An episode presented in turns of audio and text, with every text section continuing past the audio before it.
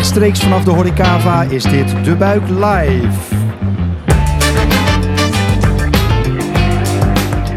Goed dat je luistert naar De Buik Live, de podcast van De Buik over trends in de wereld van food, drinks en hospitality. Ik ben Gijzer Brouwer, oprichter van De Buik en Food Trend Watcher. Elke aflevering van De Buik Live praten we je bij over één belangrijke trend, zodat jij precies weet wat er speelt. Vandaag live vanaf de Horecava met de nieuwe zomertrend van 2020, fris en zuur bier. Dat in het komend half uur bij De Buik Live. Mijn gasten vandaag zijn Rick Kempen, bierambassadeur bij Bier Co. En Danielle Leukel, brandmanager speciaal bieren bij Royal Swinkels Family Brewers. Rick, Gijsbrecht. een bierambassadeur bij Bier Co. Dat klinkt als een ideale baan. Nou, sterker nog, het is een ideale baan. Eh, in de grond van de zaak doe ik niet heel veel anders dan praten over bier. En mensen net zo enthousiast maken over bier. Ik verspreid een beetje het biergospel. eh, maar doe dat niet alleen maar om het biergospel te verspreiden. De gedachte is dat we proberen kennis over te dragen. Dat we eh, mensen in de horeca, mensen in de retail beter bieren laten verkopen eigenlijk. En ik doe dat door het geven van presentaties, proeverijen, trainingen. Mijn leven staat wel 24-7 in het teken van bier. En Bier Co, dat, is, dat zijn alle bieren toch? Dat, zo ken ik het in ieder geval. Ja, grappig dat je het zo kent. Eh, Bier Co is van origine een importeur en groothandelaar van mooie bieren uit de hele wereld. Waarbij we ons eh, specifiek niet richten op pils, het meest gedronken biertype ter wereld. Maar juist bieren van kleine onafhankelijke brouwerijen voor het voetlicht willen brengen. Opdat de consument uiteindelijk zijn keuze kan maken wat voor bier zij het lekkerst vinden om te drinken. En tegenwoordig hebben we ons iets meer toegelegd op zeg maar, een brouwerij of 40 waarvan we echt zeggen dat is gewoon de absolute wereldtop ter wereld.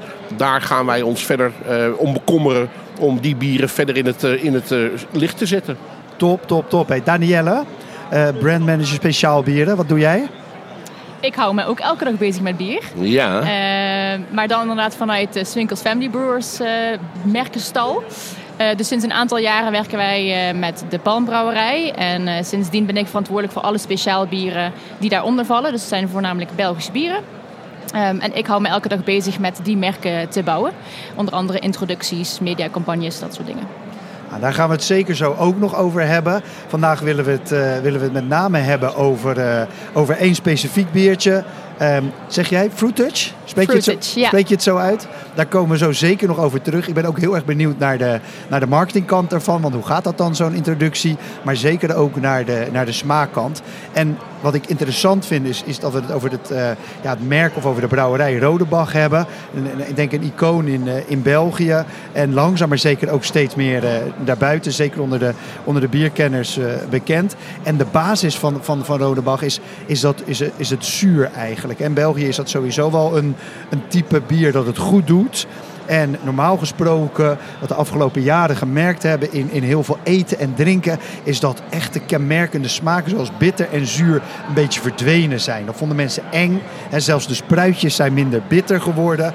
Maar wat je nu eigenlijk ziet door de opkomst, de interesse in eten en drinken weer, is dat bitter en zuur die wat minder gewenste smaken weer wat meer plek krijgen. En zeker in de wereld van bier zie je dat. Maar je ziet het ook bijvoorbeeld gewoon weer op ons bord. Hè. Dus zuur zit ineens weer, kimchi wordt ineens weer populair. Of, of ceviche, misschien wel een van de, van de bekendste introducties van, in ieder geval in, in Europa, introducties van de afgelopen jaren. Hè. Dus die in het zuur gegaarde vis. En kimchi natuurlijk gefermenteerde kool, uit, eh, onder andere kool uit, uit Zuid-Korea.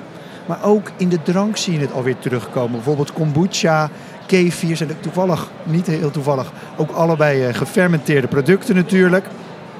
En in de natuurwijn zie je het ook. En daar is ook een beetje dat zoeken naar van die hele spontane vergisting. Wordt het soms wel heel erg zuur en heel erg spannend. En zie je daarnaast ook weer dat het wat, ja, om de gewone wijndrinker ook wat meer eh, te bedienen. Dat er ook wel weer gezocht wordt naar natuurwijn waar het wat, wat ja, toegankelijker is.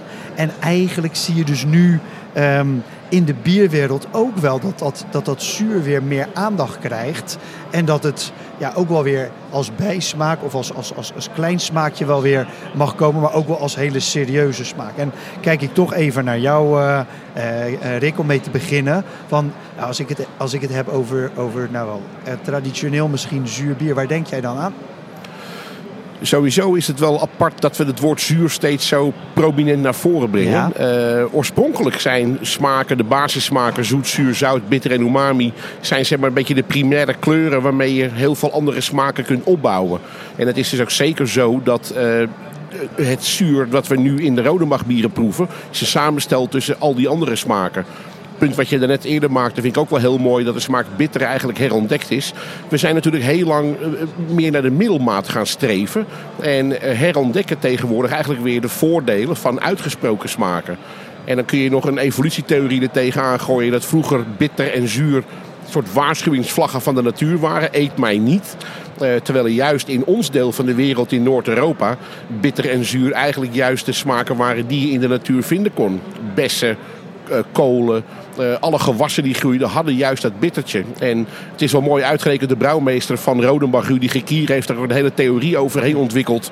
Dat met name de smaak bitter voor veel mensen om te beginnen best een lastig is. Uh, maar het is terug te voeren op de evolutie. Een kind leert van zijn moeder wat veilig is om te eten en wat niet. En leert ook van zijn moeder om het verschil te maken tussen de ene bitter en de andere bitter. We zijn een tijd lang wat lui geweest. En bitter is inderdaad uit een aantal groentes weggekweekt. Wordt nu bewust weer teruggebracht in smaken. Kijk je dan naar zuur, dan is zuur heel lang een bijproduct geweest van het brouwen, omdat we niet precies wisten wat we aan het doen waren. Toen we dat beter onder de knie zijn gaan krijgen, uh, zijn een aantal brouwerijen zich juist toe gaan leggen op het creëren van bier waarin zuur een mooie ondersteunende smaak speelt. En juist meer een soort brug eigenlijk richting wijn slaat dan naar iets anders. En, en uh, heel mooi, want je ziet natuurlijk sowieso dat bier veel meer ook als ja, pairing, hè, echt als, als, als ja, tegenhanger van wijn wordt gezien. Hier in de buurt bijvoorbeeld hè, Bar Alt dat dat op een heel hoog niveau doet. Zeker.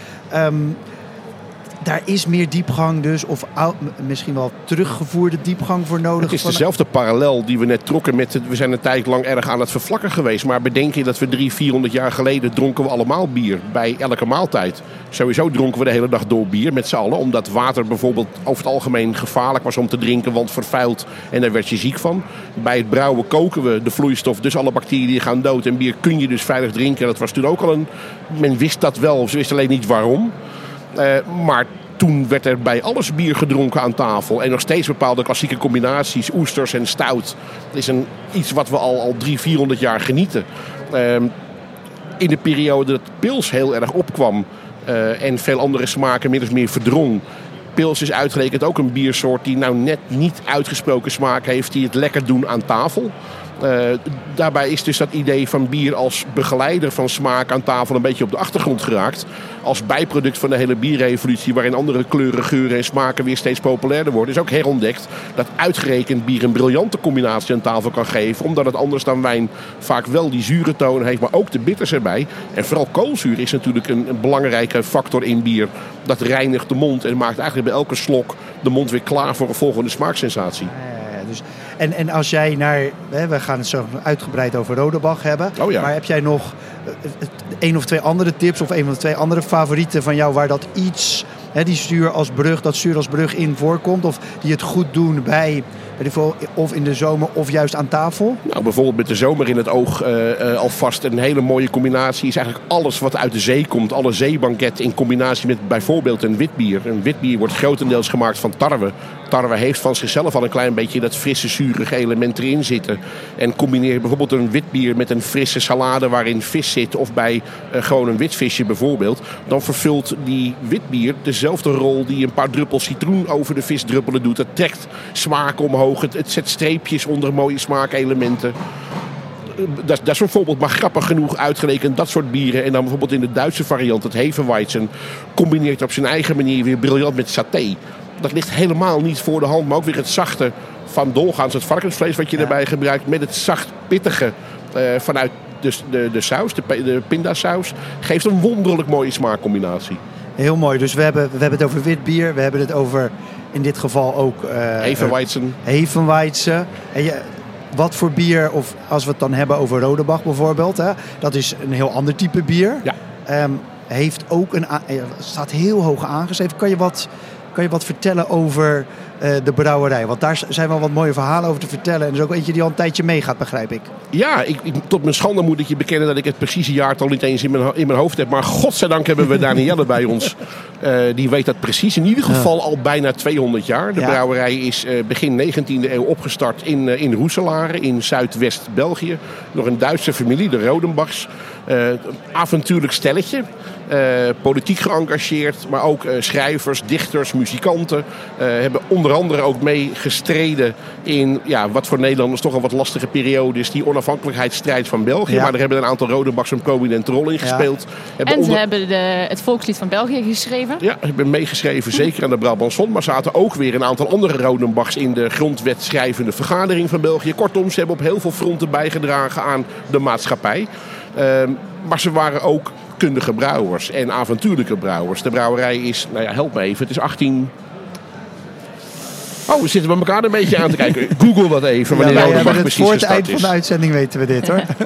um, dus, uh... Maar waar ik heen wilde, zij zijn uiteindelijk bier gaan brouwen. En Ja. hebben uh, een oude traditie levend gehouden. Namelijk uh, bij brouwen is het uiteindelijk het vergisten van het geproduceerde vloeistof heel belangrijk. Want dan zet je suikers om naar alcohol. Um, maar juist om dan dat product nog eens langer door te laten rijpen. En daar uh, in dit geval melkzuurbacteriën aan Ja. toe te voegen. Waardoor je een hele rinse, frisse smaak creëert. Daarmee sla je eigenlijk een beetje de brug naar het, het wijnachtige uh, smaakdeel. Ja. Dat is iets waar de Rodenbachs uh, echt een bepalende rol in hebben gespeeld. Want zij zijn op zeker moment is Pedro Rodenbach naar Engeland gegaan. Om daar het principe van de porters te onderzoeken. Ja. En daar zat al in de houten vaten. We vergeten dat heel vaak. Maar in die tijd had je natuurlijk alleen maar houten Had je nog geen stalen tanks. Juist daarin was het begrip van die uh, uh, culturen, die gistculturen die daarin uh, leven, uitermate bepalend voor de eindsmaak. En dat principe heeft hij geïntroduceerd in de brouwerij. En daarmee is het hele verhaal van het Vlaams rood, want dat is dan de stijl waaronder Rodenbach valt, aan het rollen gekomen. En daar zijn ze nog steeds ja, de wereldkampioen in. Danielle, wat, wat, um, hoe is Rodenbach bij jullie, want jij zit bij Royal um, Swinkels Family Brewers. Hoe is, hoe is Rodenbach bij jullie de, de, ja, de familiebrouwerij binnengerold? Um, om eerst nog even terug te komen op uh, waar we het net over hadden. Volgend jaar is het jubileum. 1821 is de brouwerij opgericht. Ja, ik had dat moeten weten. Dus, uh, volgend jaar dat is mooi. Dan kunnen we een heel jaar kunnen we daar naar vooruit kijken. Inderdaad. Uh, maar hoe dat bij ons binnen is gerold. We hebben dus uh, de Palmbrouwerij overgenomen. En Rodenbach is daar een onderdeel van. Uh, en dat ging eigenlijk heel natuurlijk, heb me laten vertellen. De directieleden waren uh, goed uh, bevriend met Jan Tooijen, de destijds eigenaar. Ehm, en wij waren op zoek naar een aanvulling in ons portfolio, vooral aan speciaal bier. De trend in Nederland is natuurlijk al lang gaande binnen speciaal bier. en wij zochten een aantal hele mooie merken waar wij mee de Nederlandse markt konden ehm, opgaan. En uh, de Palmbrouwerij met Rodenbach, met Palm, met Cornet, met Steenbrugge en een hele hoop andere merken was daar een mooie, een mooie voor. Dus als je dan naar, naar, naar Rodenbach kijkt en hoe. Het is best wel een bijzonder bier, denk ik. Het is ook vaak wat grotere flessen bijvoorbeeld. Hoe, hoe, hoe, Nederlanders zijn toch echte pilsdrinkers. Hoe verhoudt zich dan? Hoe, neem jij dat mee onder je arm? Of hoe, hoe brand jij dat als brandmanager? Ja, tot nog toe is dus Rodenbach best wel een niche product geweest. Ook voor een redelijke niche markt. Dus we zetten het vooral neer in de echte speciaalbiercafés. Waar ook de echt mensen komen die veel over bier willen leren. Uh, waar ook ruimte is voor mensen om aandacht en uh, uitleg te krijgen over de bieren. Uh, want als je Rodenbach niet kent en je neemt een slok... dan word je redelijk verrast natuurlijk door de zure toon. Je verwacht bitter, maar je krijgt juist zuur. Uh, dus we proberen Rodenbach als merk echt te bouwen op de plekken waar aandacht en tijd is. Dat betekent dus ook horeca en liefst nog specialistische horeca. En dus niet retail. Dat is een bewuste keuze. Uh, maar nu hebben we een nieuw bier uh, op de markt gebracht sinds een paar maanden. En daarmee kunnen we wel veel breder het publiek kennis laten maken met het merk Rodenbach. Oké, die pakken we zo even op, houden we vast. Rick, um, jij, jij komt op die plekken waar die specialisten zitten. Um, wat brengt, als, je, als, je dat, als je het dan over Rodenbach hebt, wat brengt jou dan wat neem je dan mee of wat vertel je dan? Want het is best wel, je gaf net al in een soort van, nou ja, heel mooie uh, historie gaf je weer van de, de, familie en de achtergrond en de, de, de vrijheid. Maar nu hè, leven we in 2020, heb je Rodenbach en je gaat naar zo'n specialistisch, misschien een biercafé of tapcafé. Wat, wat neem je dan mee? Nou, naast die historie, dat geweldige verhaal van de Rodenbach, neem ik vooral het begrip de toekomst met mij mee. Want ik geloof dat uh, uitgerekend die smaak, dat, dat fris-zurige, dat rinsige, uh, op, op, het punt staat door te breken in de bierwereld. Zoals een aantal jaar geleden de smaak bitter dat aan de hand van India Pale Ale heeft gedaan. En omdat je ziet dat mensen steeds avontuurlijker en bewuster consumeren. Ze ook steeds meer openstaan voor het ontdekken, desnoods herontdekken van bepaalde smaken. Is mijn eerste verhaal altijd, na dat prachtige verhaal over de brouwerij en de mensen erachter, dat dit een product is wat je gewoon nu in je zaak moet hebben, omdat mensen hier steeds meer naar gaan vragen. Ja. Het is eigenlijk heel simpel. Dus jij ziet die ontwikkeling in de markt. Je hebt een, een uh echt ja, dan een heel serie hele mooie producten. Onder andere van Rodebach, maar eigenlijk zijn er nog wel een flink aantal meer uh, Belgische bieren, onder andere Duitse bieren, die hierin uh, in meegaan. En dan zeggen van jongens, zuur gaat komen. Of, of deze rinse smaak, deze friszuur gaat komen. Of hoe, hoe benader je dat dan? Nou, inderdaad zo. En zeker als we het dan hebben over uh, horecabedrijven die ook eten serveren. Het is een van de biertypes die zich het meest gemakkelijk en het meest breed laat combineren aan tafel. Ook omdat je die verschillende gradaties qua zuur hebt. Je kunt een oude geuze neerzetten. Dat is een hele specifieke variant van lambiekbier. Ja. Dat is over het algemeen bijna stalachtig en bijna aards van smaak en van geur. Mensen hebben ook wel associaties met uh, paardendeken en stal erbij, leer.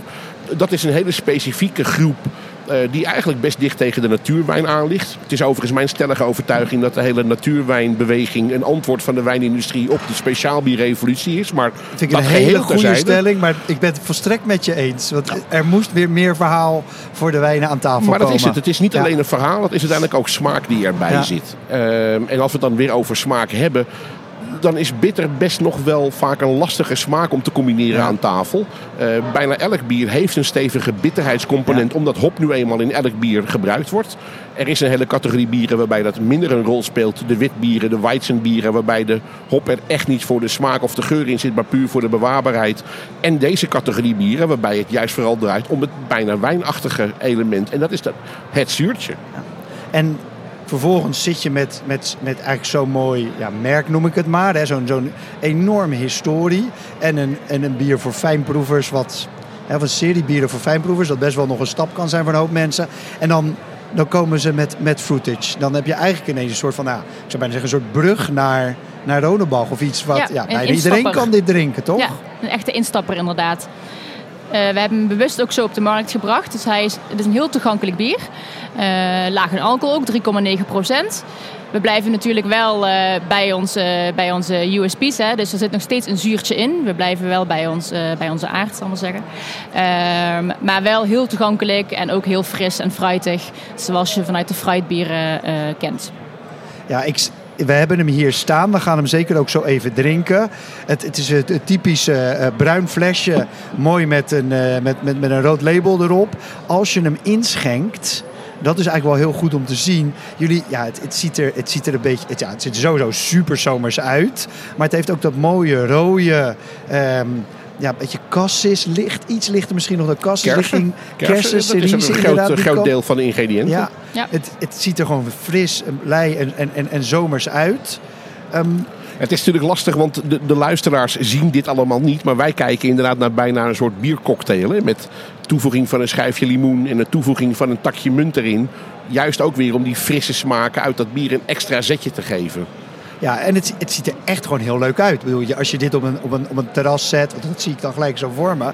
Uh, ja, dan heb je ook wat in de hand. Hè? Dan heb je ook wat waarmee je...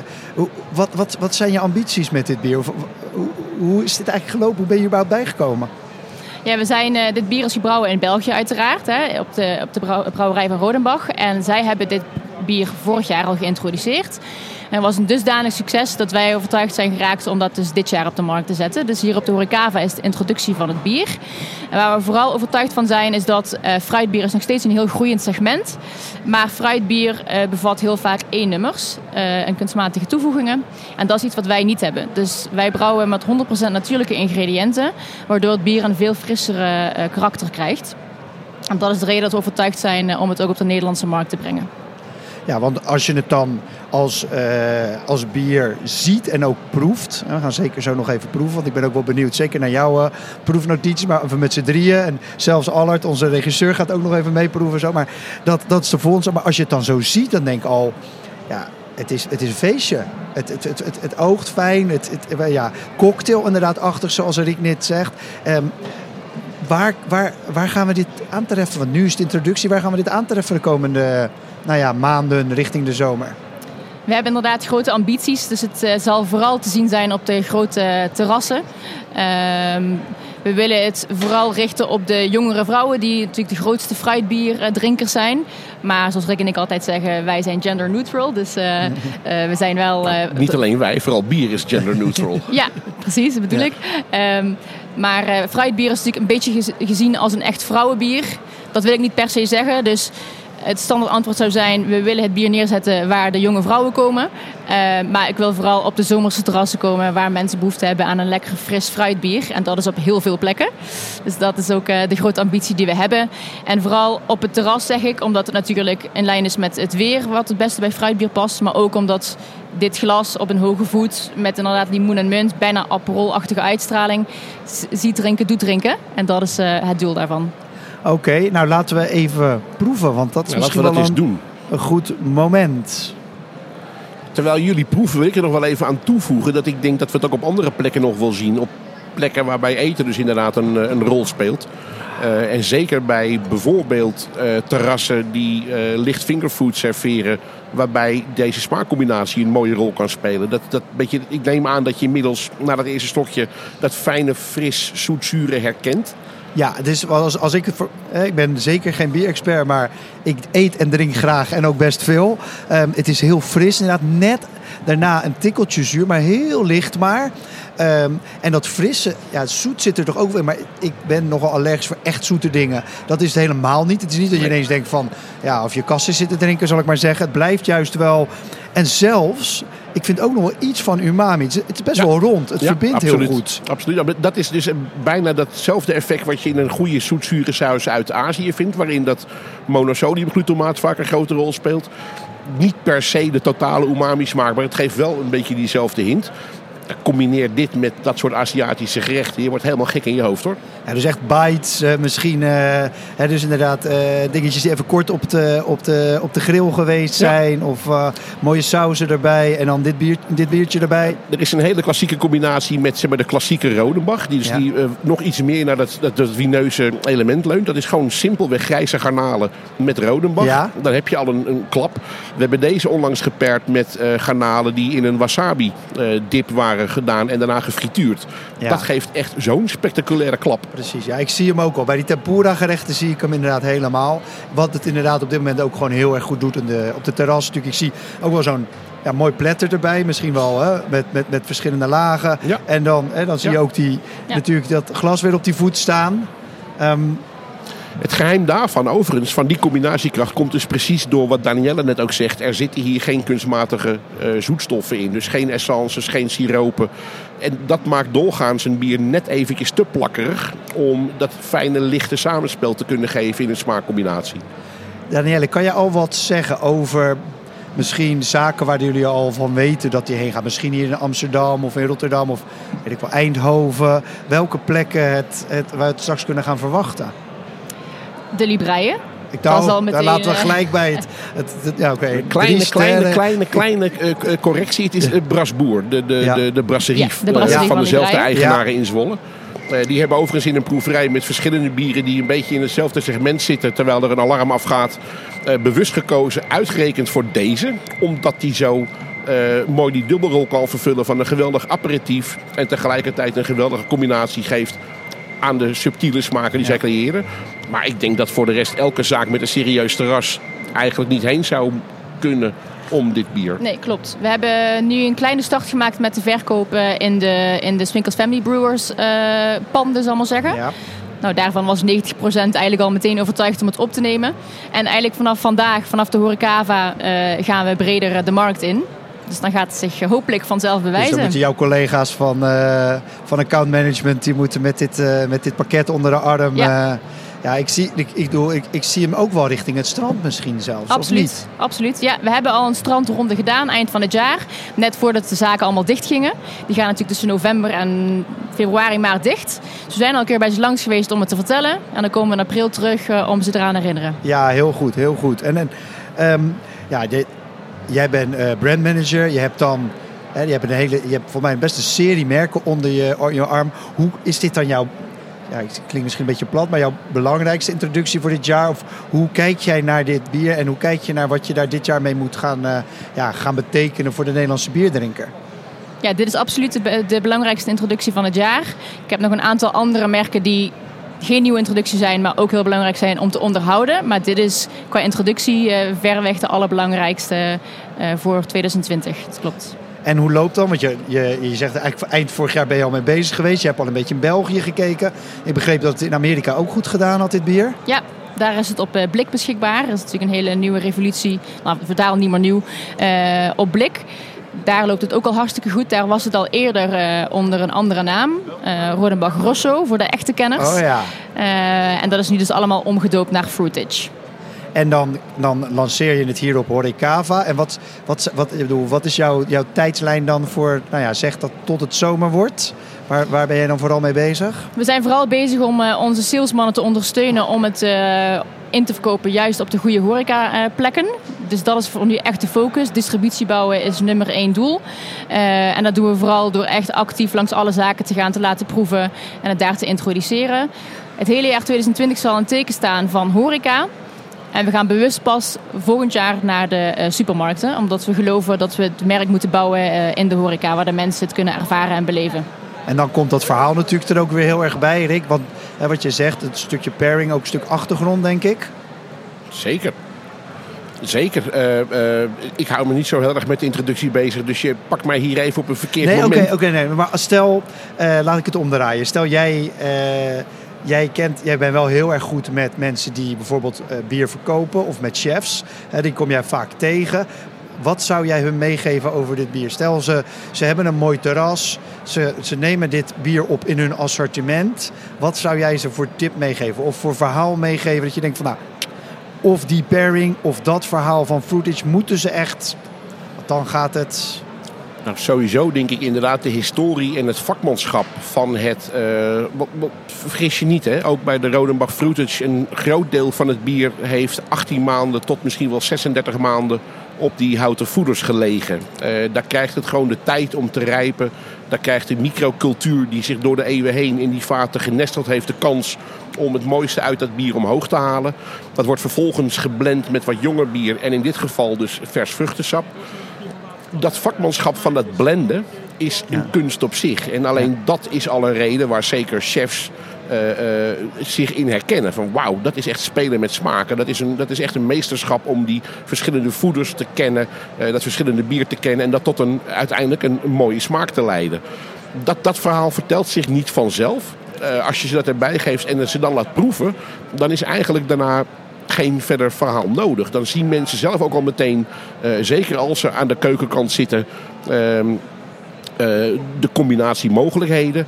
En vanwege die presentatie, en dat laat zich gewoon helaas in de podcast wat moeilijk uh, zien.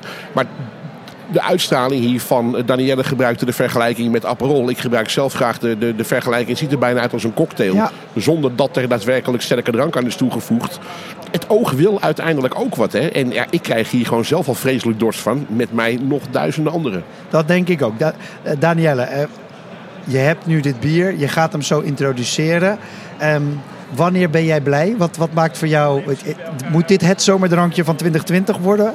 Heeft het het in zich? Dan ben ik blij inderdaad. Ja, als, het, uh, als het de rage wordt zoals het ooit met Aperol was, om die brug nog even keer te slaan, dat zou natuurlijk een geweldig succes zijn. Um, we hebben natuurlijk ook wel doelstellingen op aantal zaken, et cetera. Maar ik ben vooral gewoon blij als ik zie dat het leeft onder de consumenten. En dat ook de consumenten die vooral op zoek zijn naar dat frisse fruitbier, uh, durven over te stappen en vanuit daar nooit meer weggaan. Ja, want jij zegt fris fruit. Het, ik denk, we hadden het er net al even heel kort over. Ik denk dat het ook wel belangrijk is dat hij niet zo hoog in de alcohol zit, toch? Dat is zeker voor in de zomer op het terras, waar je misschien ja, wat meer wil drinken? Of hoe, hoe, hoe kijk Ja, jij daarnaar? Het haakt helemaal aan op de huidige trend. Hè. Laag alcoholische speciaalbieren zijn eh, hot. En dit bier is 3,9 procent. Eh, bewust dus een stukje lager zelfs als pils. Pils is vaak rond de 5. Eh, om inderdaad tot de drinkbaarheid te bevorderen. En ehm, even voor als je dit nou, hè, want we hebben het een paar keer over gehad. We, zitten in het geluid zitten we en dus niet, we kunnen het niet zien. Maar hoe herken ik nu, als ik straks zit ik ergens op het terras, hoe herken ik eh, dat iemand naast mij Rodenbach Fruitage heeft besteld? Je ziet een, eh, een, eh, een, glas op een hoge voet, bijna een wijn, wijnglas lijkt het. Uh, er staat uiteraard de Rodebach Fruitage logo op. En een donkerrood bier met een paar ijsklontjes en dan een schijfje limoen en een blaadje munt. Oké, okay, met een glimlach. Ja, sowieso grote gastvrijheid erbij.